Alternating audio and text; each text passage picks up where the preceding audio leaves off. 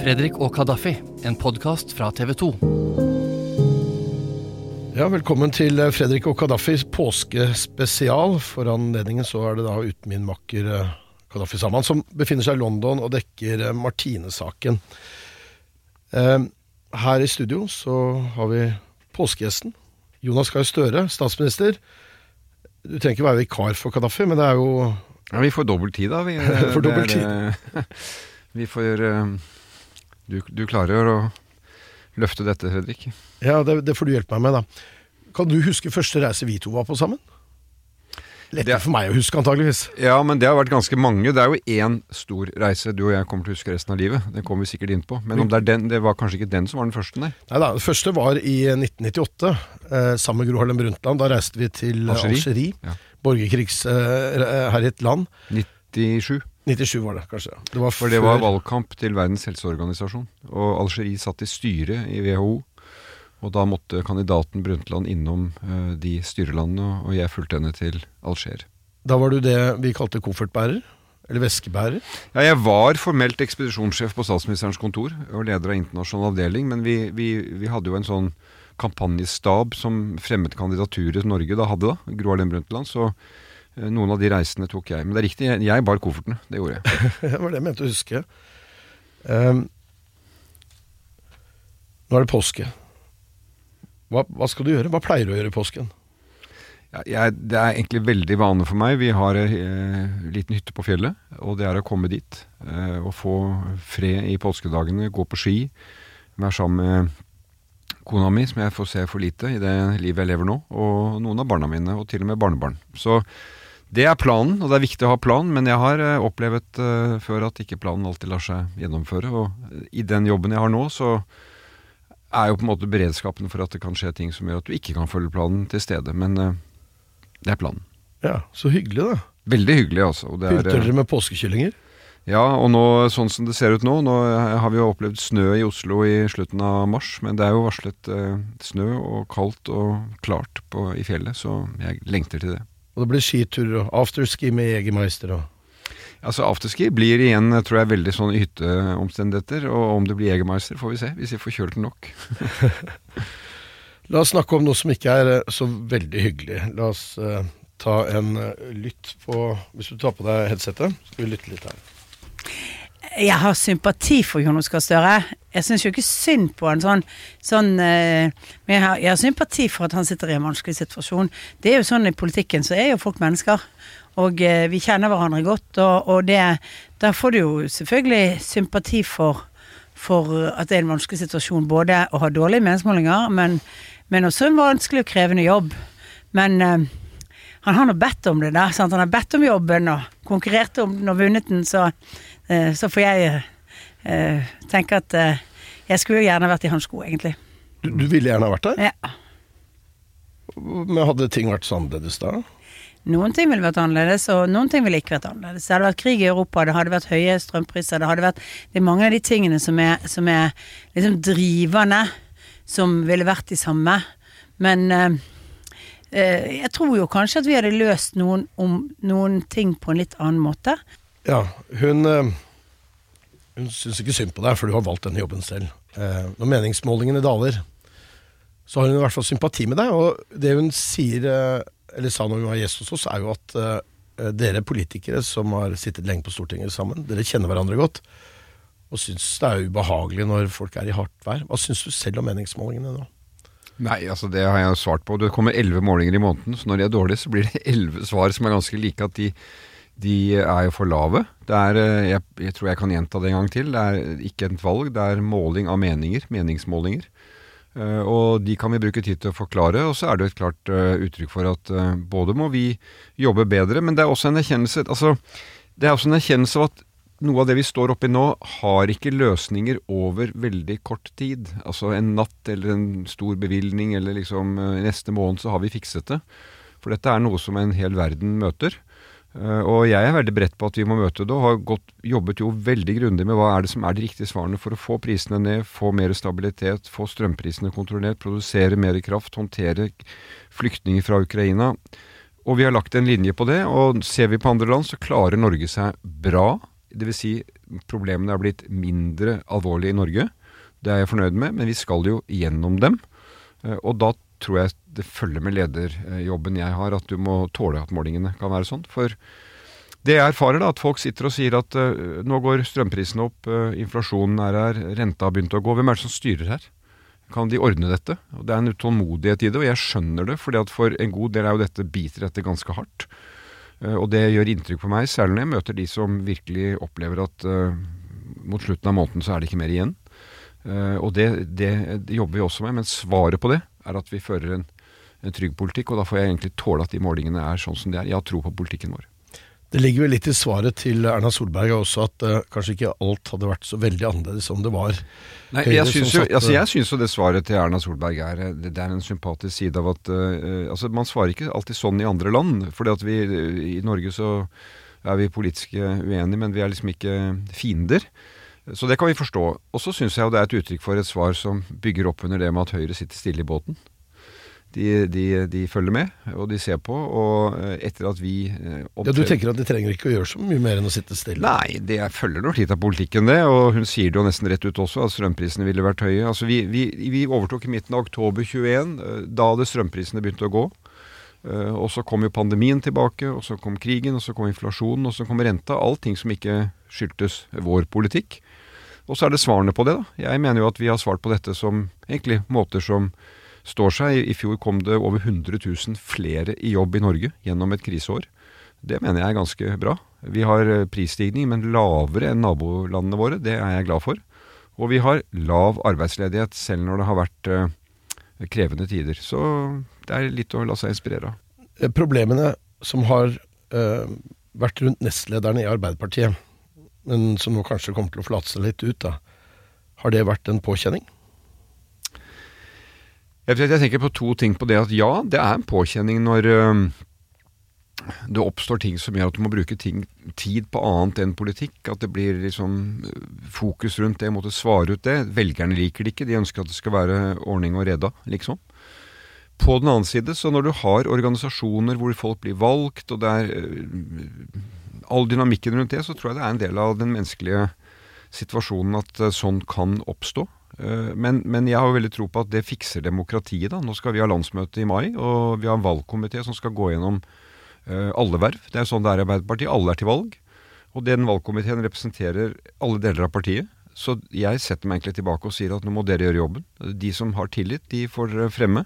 Og så skal landsmøtet velge. Og da går vi videre. Det er, uh, det er, det er en god stemning. Nå har vi hatt fylkesårsmøter i alle deler av partiet, og tro det eller ei, med målinger som er krevende, så er det altså veldig pågangsmot i denne partiorganisasjonen. Når er din posisjon i fare, da? Nei, det, Jeg sier jo det at jeg ønsker jo ikke å gå gjennom et landsmøte hvor jeg skal bekreftes bare fordi at det gjør man. Du skal velges. så Hvert annet år så er det sånn. Og eh, i mai så har jeg sagt at jeg er eh, klar for å fortsette. Jeg har jobben som statsminister og kan være partileder. Håper vi får fornyelse i det som er ledelsen av Arbeiderpartiet, for det trenger et parti som skal være med i tiden. Eh, og så eh, må valgkomité og landsmøte ta valget. Men er det sånn nedre tall du ser for deg på meningsmålingene som er sånn under dette? Nei, det har jeg ikke tenkt. Og så tror jeg liksom, Særlig når ting er litt tøft, så skal du som leder tenke på er dette tiden du sier at nå hopper jeg av, liksom. Det, det, vi er ikke der. Tvert imot. Det er jo da du må samle deg, eh, motivere folk krumme ryggen litt og gå på. Eh, det har vi gjort før, og det kan vi gjøre igjen. Hva syns du om mediene? Syns du mediene har vært tøffe med dere? Jeg har bestemt meg for å ikke kommentere mediene når jeg er i mediene. Jeg tror Hvis ikke du gjør dine tanker om det du leser og skriver, så blir du litt kan du bli tullerusk oppi huet, egentlig. Fordi det skrives jo ting jeg mener er urettferdig, ubalansert. Men du vet at det er lett for når du er, blir i sånn lederposisjon og blir beskrevet opp og ned, og at du blir litt sånn selvrettferdig. Og du må aldri komme dit i denne jobben at du syns synd på deg selv. Det er eh, fryktelig farlig. Så det at ja, kan ta noen diskusjoner, og så er det å gå videre. Stort sett så mener jeg jo at uh, norske medier har uh, kunnskapsrike folk. Uh, vi er jo et mer avislesende folk enn veldig mange andre, særlig lokalaviser. Det glemmer vi ofte når vi sitter midt i hovedstaden. Og jeg er jo veldig opptatt av at vi må ha et mediemangfold. Det er jo fryktelig farlig om det, om det ryker, fordi folk forsvinner ut i de store uh, ja, uh, eh, sosiale mediene og blir borte fra det som er eh, kritisk undersøkende journalistikk. Det er fryktelig viktig for demokratiet vårt. Så stort sett så lever jeg godt med det. Eh, dere har fått kritikk for dårlig kommunikasjon til velgerne. Spesielt når det gjelder eh, strømpriser. Tenker du at eh, noe kunne vært gjort annerledes? Ja, det gjør jeg. Eh, og det, det som er viktig, er at når det kommer sånne endringer som vi gjør nå, så skal vi kommunisere, både være problembeskrivere og problemløsere. Men jeg syns vi er for lite flinke til å være det første. Vi skal også være med å beskrive de problemene folk opplever. Og Jeg lærte det av en kollega, Svein Roald Hansen som, fra Fredrikstad, som tok toget Østfoldbanen inn til Oslo. og Da falt ofte kjøreledningen ned. Og Da var det et eksempel på at uh, vi var veldig fort på å si hva kunne gjøres med den kjøreledningen. Men vi skal også være de som forstår hvor pyton det er å være pendler og stå og vente på det toget som ikke kommer. Uh, og når det gjelder strømprisene og inflasjonen osv., så, videre, så skal vi inn i livene til folk og høre og lytte og sette ord på det de opplever. Og så skal vi selvfølgelig jobbe med, med, med å løse problemene. Men strømkrisen altså Jeg tror politikere og offentligheten i Norge har lært om strøm og kraft dette året veldig mye. Jeg tror veldig mange hadde tanken at det er en bryter du skrur på, og det er en regning du knapt ser, og sånn er det. Men altså, så enkelt er det altså ikke. Og vi minnes på det fordi vi kommer til å, som det står i de fleste partiprogrammer, alt som kan elektrifiseres, vil bli elektrifisert. Og da må vi tilbake igjen til det. Mer kraft, mer nett, bygge nett. Det er kontroversielt, ikke sant. Det er store spørsmål. Så det er ikke det at det er kommunikasjonen nødvendigvis som er dårlig, men det er vanskelige spørsmål som også utfordrer en del vaner og måten å tenke på. Mm. La oss eh, bare gå innom en krig som pågår akkurat nå, Ukraina-krigen. En ting er at den påvirker eh, livene våre i form av høye eh, strømpriser og flyktninger som kommer til Norge, norsk bistand til Ukraina. Men er du bekymret for Russland som nabo? Altså, jeg begynner med å svare ja til det, fordi eh, av flere grunner. Det er klart Når du har et naboland som har gått i en fullskala angrepskrig på et annet naboland, så kan man jo ikke si at man ikke er bekymret for det. Det er punkt én. Punkt to, ser vi noen militær trussel fra Russland mot Norge i dag? Nei, det gjør vi ikke. Vi ser at Russland har konsentrert enorme ressurser i Ukraina, tatt veldig store tap, eh, både av utstyr og folk. Eh, men det vi ser mer av, er jo en utfordring knyttet til det vi kaller sammensatte trusler, hybride trusler, etterretningstrusler, eh, cyber og sånt, som, som kan, vi må følge nøye, nøye, med på. Det er klart at vi må også følge nøye med på dem. Men det tredje dimensjonen er jo hvor går Russland? Jeg, jeg har jo vært opptatt av at vi har fordømt invasjonen, og vi har jo nå måttet begrense kontakten med Russland av naturlige årsaker. Vi har sanksjoner. Men noen diskuterer Europa og Ukraina så må vi nærmest, kan nærmest klippe Russland ut av eh, europakartet, og så er vi på en måte De er ikke der mer. Men det er de. Altså Russland er og blir en kontinental makt i Europa. De grenser opp mot mange land. Eh, og det som bekymrer meg da, eh, som grunnleggende, det er hvor går dette styresettet? Som jo da hadde alle tiårene med kommunisme, sammenbrudd, kaotisk 90-tall med slags demokrati, eh, oligarker, korrupsjon. Og så kommer Putin-regimet, som forsøker da først, tror man kanskje å ordne og sikre dette landet på et eller annet vis, og så går det da tungt i autoritær retning, og nå nesten totalitær. Det er jeg bekymret for. Eh, hvordan er den utviklingen videre? Det er uh, veldig vanskelig å, å, være helt sikker på det, men, men, eh, det å ha stor ustabilitet i et stort naboland nær deg, det er, en, det er noe man bør være veldig oppmerksom på. Det er i hvert fall vanskelig å se hvordan den konflikten kan løses så lenge Putin sitter med makten. Ja, det er én måte å si det på, men det er nå han som sitter med makten. Og den konflikten bør jo Altså, krigen er, er, jo fryktelig, med flyktninger og drap og ødeleggelser. Så man kan jo ikke sitte og si at man venter til han ikke er med makten. Det, det jo, vi, derfor støtter vi Ukraina, så de kan forsvare seg. Og så må man forsøke å jobbe for at det kan finnes en politisk løsning. Men det må jo være på betingelser som det angrepne landet kan leve med. Hvor viktig er det at uh, også Sverige får lov å bli medlem av Nato? Det er viktig. Uh, fordi de Altså, to ting, da. ikke sant? Sverige og Finland ønsker den samme kollektive sikkerheten som Norge har. Så det har de rett til. Men, men, det er også viktig at et land som Tyrkia ikke kan stoppe dette mot et land som oppfyller alle kriterier. Nå blir jo Finland godkjent og blir medlem og det er bra. Men, men eh, det, vi var enige på toppmøtet i Nato i Madrid i fjor sommer at Sverige og Finland oppfylte alle kriterier. Og da er det det som gjelder til grunn. Her har man jo spilt inn mange nye ting.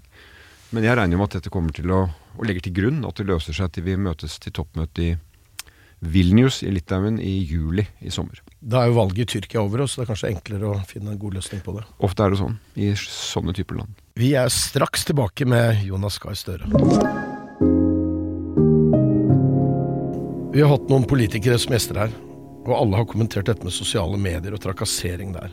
Alle politikere utsettes for det. Eh, er du av og til inne i kommentarfeltene og titter? Av og til, men øh, og jeg, Går du inn på det? det altså den, den, den uh, kritikken som kommer, den som Nei, er mindre nå enn før. Jeg tenker jo ofte på at hvis jeg var 25 år og ny i en eller annen frivillig verv, og så skulle jeg få det, så vi, at folk snur i døra og sier at dette blir ikke jeg med på. Unge kvinner som opplever trakassering og, og, og grove ting, det, det uroer meg egentlig. Men øh, jeg har vært med på en måte lenge nok til at jeg behøver ikke lese alle de kommentarfeltene. Uh, du ser jo noen kjennetegn i den. Det er veldig interessant hvis jeg har lagt ut en sånn Facebook-melding at jeg har vært et sted, og de første meldingene er positive. Så er det egentlig ganske interessant å lese nedover, kan det være synspunkter. Men hvis du får inn det jeg kaller et par hatere i starten, så er, liksom, eh, er det annerledes. Og så er det en del av de harde meldingene som er ganske Altså jeg, jeg, jeg stusser jo det over hva voksne folk kan få seg til å skrive sånn, altså hvilke ord de bruker. Men jeg ser jo også at mange av de meldingene kommer seint på natta. Og da kan man tenke seg litt gjennom det. Og jeg tror ikke folk kanskje ville sagt det ansikt til ansikt. Det er vel en påminnelse om at det du tror om folk at de ikke sier ansikt til ansikt, det er ikke tanker de kanskje har, men når de, det kommer frem allikevel på sosiale medier. Fortell litt om folk. Men har denne, altså, de harde kommentarene, har de gått inn på familien din? Når sønnene dine var yngre?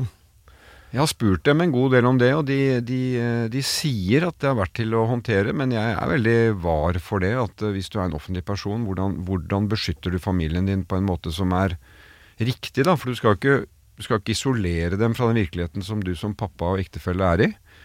Og samtidig så skal de få lov til å leve sine liv, ta sine valg, ikke bli liksom avhengig av meg. Men når jeg nå er statsminister og offentlig person, så vil jo både de og barnebarn bli gjenkjent bare på navnet. Uh, og det, det, tenker jeg en del på. Så vi får være åpne og ærlige om det vi, når, vi, når, vi, prater om det. Jeg tror kanskje nå så blir jo ledende politikere De blir jo vurdert som politikere, men det er jo også et element av det som det å være kjent, og litt sånn kjendisfaktoren i det.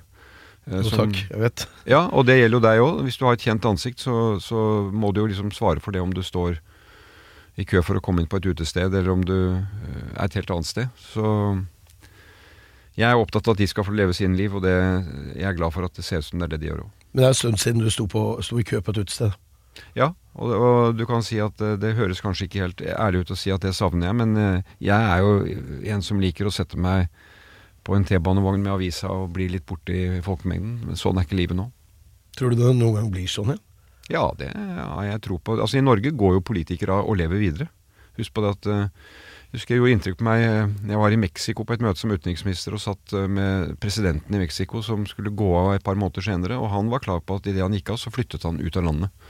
Fordi det var ikke mulig for han å leve der etter at han hadde gått av. Eh, men sånn er det her. De som har hatt verv før, de, de lever ganske normalt videre. Hvis du tar på deg headset, skal vi høre på en, en lyd til her. Og det er da partikollegaen din, Kamzy Gunnar Ratman, som, eh, som er gjest hos oss. Og hun har i hvert fall noe hyggelig å si. Åh, du, jeg er veldig glad i Støre. Så jeg er kanskje litt sånn uh, feil person å stille det spørsmålet på. Han er en, uh, han er en utrolig dyktig, varm fyr. Eh, altså, dette, dette, er liksom mange som vet, men han er sånn som kan ringe liksom, i ny og ne og spørre hvordan det går. og drodle politiske temaer. jeg har teksta med han den siste uka, og han også. Liksom bare, han gleder seg til jeg skal være ute og drive valgkamp. Liksom. Så, så, han ser meg, og han ser verdien av hva jeg kan få til. Ja, er, altså, du ble beskrevet av partikolleger, da, eh, noen, eh, som en med mye omsorg for de. Og i hvert fall hvis det blåser litt hardt rundt de. Det er jo, Jeg syns det er hyggelig å høre. Kamzy er jo en jeg har fulgt med på lenge siden hun var leder i AUF eh, i Oslo. Modig, dyktig. Apropos, hvis du er solstråle, så får du kanskje en del solstråler tilbake igjen. Eh, hun er full av engasjement og og liv. Og ja, jeg, det er jo mer av det enn dere kanskje ser, at det er mye omsorg også i den politikken. Faktisk også på tvers av partiskillelinjer. Men i et parti så er det litt som en stor familie. Så når det er tøft for en, så er, merker jeg meg de som kommer med meldinger og heiarop, og jeg prøver å gi det til dem jeg også, når jeg hører dem på radioen eller ser hva som pågår. Ikke bare når det er tøft, men jeg hører jo f.eks. kan sette Kamzy i en debatt hvor hun er knakende god, og det er jo viktig å sende henne en melding om noen få ord om at det var bra. Hun er eh, da en av de vi kaller generasjonen Utøya, altså de som, en av de som overlevde angrepet på Utøya. Eh, og nå kommer disse for fullt inn eh, En ting er at det er lokalpolitikken, men de kommer inn i rikspolitikken også. Og på høyt nivå. Eh, er, det, er det en generasjon med politikere En ting er at de har spesiell erfaring, men har de med seg en erfaring som du tror vil bringe de eh, ekstra høyt i politikken? De som opplevde Utøya, dekker jo et veldig stort spekter. Ikke sant? Det er jo de som sa at dette er, nå er jeg ferdig, forlot politikken, ville unna dette. Mange som opplevde det døgnet, øh, har jo fått store utfordringer og sliter. Bare La oss bare ta med det. Uh, så har vi de som uh, har gått videre i livet uten å være engasjert i politikk, men som klarer seg uh, rimelig bra. Og så er det de som har fortsatt med politikk. Og jeg syns jo jeg ser i mange av dem som jeg møter, og, og, og jeg jo, har jo satt meg veldig fore som en politiker i min generasjon til å få denne generasjonen inn og med. Eh, som jeg sier, vi hører lyden av en ny generasjon. Jeg har eh, to statsråder som begge var på Utøya. Eh, Tonje Brenna og Jan Christian Vestre. Jeg har flere statssekretærer som var på Utøya. Så de er med, og de, de er selvfølgelig med fordi de er dyktige politikere. Altså For å bli valgt til statsråd statssekretærer, så skal du være blant de beste. Men det er et fellestrekk hos dem at de rommer noe litt ekstra. Uh, en, en, en, uh, du kan se de bærer på en erfaring som bringer med seg også mye klokskap og perspektiv. Uh, det, det, det, merker jeg. Og, og, jeg tror det er viktig for Arbeiderpartiet at vi ser dem som unge politikere som tror på framtida, som viser at det er verdt å å være i det demokratiske politiske uh, sjiktet. Altså, jeg pleier å si når du kommer til Utøya i dag, og du seiler over båten ut der og ser den øya nå, med nye bygg, livskraft, engasjement, masse besøk, så er det jo på en måte en Du blir jo fylt veldig av håp, da. At det var dette som vant, egentlig. Det, det fryktelige døgnet. Uh, og, og, og, de personene der, fra Kamzy til Tonje, Jan Christian til uh, Andreas og andre som jeg har rundt meg som statssekretærer, de, det, er, eh, det er veldig flott å se. Og jeg eh, har satt det som et av mine, mine oppgaver at før jeg gir meg, så skal jeg se dem veldig godt etablert. Fra ett terrorangrep til et annet. I januar 2008 så var jeg en av de journalistene som reiste sammen med deg til først til Pakistan. eh, hvor du var i hvert fall innom og signerte kondolanseprotokollen eh, til Benazir Bhutto, ja. som hadde blitt drept eh, en liten stund i forveien. Um, og så flyr vi på ettermiddagen fra Islamabad i Pakistan til Kabul i Afghanistan. Om bord i flyet var alle journalistene, bortsett fra én som ikke fikk plass på det flyet. Det var noen som måtte sitte i et annet fly. Eh, det var Karsten Thomassen fra Dagbladet som fløy med et FN-fly like etter oss. Når han kom fram til hotellet, så sto han og ventet på deg i lobbyområdet eh, for å gjøre et intervju med deg. Du satt i et møte i kjelleren på hotellet, og så smalt det. Jeg var på rommet mitt. Forsto nok mer enn det du gjorde der du var, av hva som skjedde, fordi vi så ut av vinduet og så folk som gikk rundt i borggården og skøyt, og håndgranater som ble kastet. Du fortalte meg når jeg snakket med deg den gangen, at du først trodde det var noen stoler eller et eller annet som ble dratt over gulvet over, som laget disse lydene. Kan du, kan du gjenfortelle noe av det du husker akkurat i det angrepet ja, startet? Det er jo det som eh, jeg har eh, snakket med kloke mennesker som du snakker med etter noe sånt, som sier at veldig mye av den opplevelsen sitter i kroppen, egentlig. Man kan gjenvinne skapen ved å gå til kroppen og, og, og lytte. Og øh, jeg husker jo den, den, lobbyen og alt det som skjedde der, veldig, har det veldig klart for meg. Det var jo slik at det var en stor hotellobby, og så var det en, øh, en vindeltrapp ned, en halv etasje. Og der var det et møterom vi satt med eh, den afghanske kommissæren for menneskerettigheter. Så delegasjonen min satt med henne, og det møtet skulle slutte klokka seks afghansk tid. Eh, og så gikk det litt eh, på overtid. Uh, så vi lot Jeg ledet jo møtet, lot det gå litt over. og i ettertid så ville jo vi vært oppe i den lobbyen eh, noen minutter før, men det var vi altså ikke. Så det første jeg hørte var lyder som, eh, som, som, som minnet om det om det var noen som flyttet tunge ting på, på gulvet over, altså det som traff taket vårt. Eh, så de første sekundene så var det en sånn eh, følelse av at her ble noe flyttet tungt rundt. Men så kom jo dette som jeg, denne lyden som jeg bare kan beskrive som knatring. eh, Som jo var maskinpistolild. Og da var det jo Det tok jo ett sekund. Jeg hadde jo med vakter fra PST som da kom inn. Og de var jo også To av dem var på rommet. og de er fortsatt vakter i PST. Jeg har dem jo som livvakter innimellom på jobben min nå, så vi har jo noe felles og snakker ofte om det.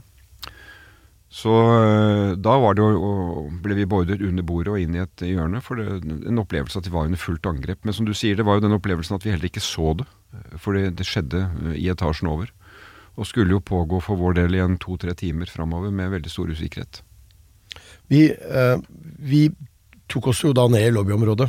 Eh, I utgangspunktet ikke veldig smart valg, men det var jo sånn vi var på jobb og, og følte oss litt sånn usikre når vi var aleine. Og så ville vi jo finne deg, fordi vi har en kommentar til dette angrepet som vi fortsatt hadde en følelse av hadde stoppet. Vi skjønte jo etterpå at vi beveget oss inn i et veldig farlig terreng, men vi klarte å unngå eh, drapsmannen, han som gikk rundt og skøyt. Han skøyt også en i ditt følge, Bjørn Sennungsen.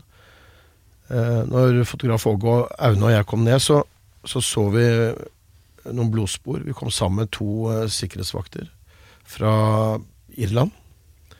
Så fulgte vi disse blodsporene og fant eh, Bjørn og en fra ambassaden, norske ambassaden. Og svært hardt skadet. Eh, og etter hvert så fikk jeg kontakt med de andre journalistene på hotellet, og, og skjønte at Karsten Thomassen lå også svært hardt skadet i den andre delen av, av hotellet. Og så ble det da opprettet kommunikasjon mellom vakter og ambassadefolk og oss. Og etter hvert så kom, eh, kom eh, et kjøretøy og hentet Bjørn. Og så jobbet vi en stund med å få, eh, lengre stund med å få Karsten Thomassen av gårde, dessverre. Blant annet så var det, var det mm, medisinsk personell fra amerikanske forsvaret inne. Det var lege som var hos Karsten Thomassen, men de fikk beskjed om å evakuere fordi det fortsatt var en gjerningsmann på hotellet. Men etter hvert så ble også Karsten Thomassen hentet. Um, og vi ble tatt med ned i kjelleren av en av PST-vaktene. Eh, Da hadde vi sett at det var, lå en del omkomne. Vi hadde forsøkt å hjelpe noen av de. Noen døde bokstavelig talt mellom fingrene på oss der oppe, eller mellom hendene på oss mens vi holdt på med førstehjelp. Og så eh, kom du opp i resepsjonen etter en stund, etter at vi hadde hatt et lite møte med deg nede. Husker du hvordan det så ut der da? Ja. Altså For det første, nå beskrev du mye av dette, Fredrik, men eh, vi ble jo evakuert da til en sånn ansatte kantine nede i kjelleren. Det var ikke var noen vinduer. Og der satt vi, og det var en fortvilet opplevelse, fordi vi kom ikke ut. Jeg var jo opptatt kan vi komme ut, kan vi hjelpe, kan de vaktene jeg har komme opp? For vi hørte jo da om at uh, både uh, min medarbeider Bjørn og, og Karsten var, var såret. Uklart hvor alvorlig. Uh, men vi var jo under streng beordring for å være der. Og så er det riktig at det amerikansk, kom jo amerikanske spesialsoldater til, til stedet. De kom inn i lokalet og sa 'hvor er det amerikanere?' Tok med seg dem og dro. Eh, så vi, det tok jo tid før vi eh, kom oss ut. Og da jeg kom opp, så var det eh, Ja, det var, et, det var en fryktelig scene. Blod. Du kunne se skudd. at det hadde vært skyting. De sårede var jo da tatt ut av denne, dette lobbyområdet, og vi ble jo også evakuert da ut mot flyplassen. Og det var da vi kom dit at vi fikk høre at, at Karstens liv ikke hadde stått til å redde. Så det var utrolig eh, sterk natt eh, der. Og eh, det var jo også slik at Bjørn, Bjørns liv altså hang helt i, i, i balansen der.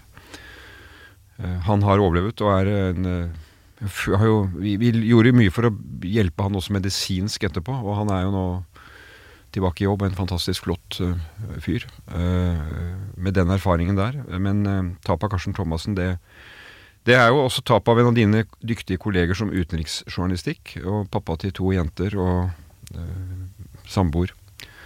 Så det døgnet sitter veldig i eh, fortsatt. Jeg husker en eh, episode fra, dette, fra den personalkantina, hvor både du og jeg står inne i oppvasken, faktisk. Eh, og jeg skjønte at du sto og snakket med Jeg tror det var et av barna dine. Eh, mens jeg sto og snakket med min datter. For det var samme type formidling som, som kom, og at alt nå er bra. Kan du huske hvordan det var å liksom, være pappa? ja, det, det var vel sånn fire og en halv time tidsforskjell, tror jeg. Så klokka var sånn seks-sju om ettermiddagen der, sånn, så var det sånn litt tidligere på ettermiddagen i Oslo. Mobiltelefonene virket jo. Og jeg visste jo det at dette kommer til å komme ut på nyheter i Norge nå umiddelbart. Så det var jo det å ringe hjem. Jeg snakket jo både med, med statsministeren eh, og, og, og, hadde det mer sånn håndteringsmessig, men også til familien. Det var kona mi jeg snakket med eh, da. Eh, og eh, da er det egentlig å gi beskjed om at det er eh, greit med meg. Så alt det du hører om noe usikkerhet, så er jeg i sikkerhet. Det er den type beskjed.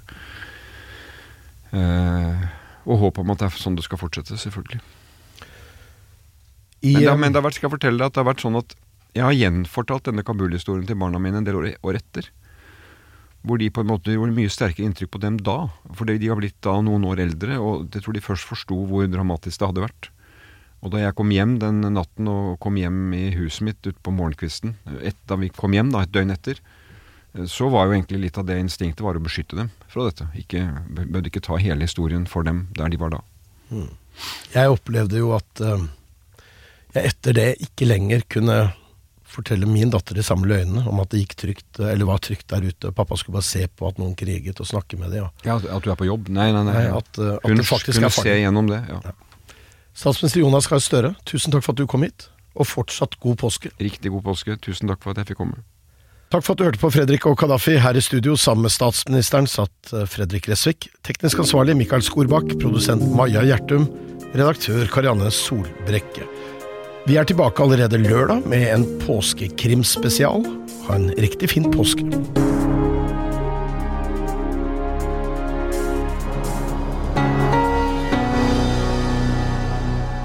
Denne podkasten er produsert av Bauer Media for TV 2.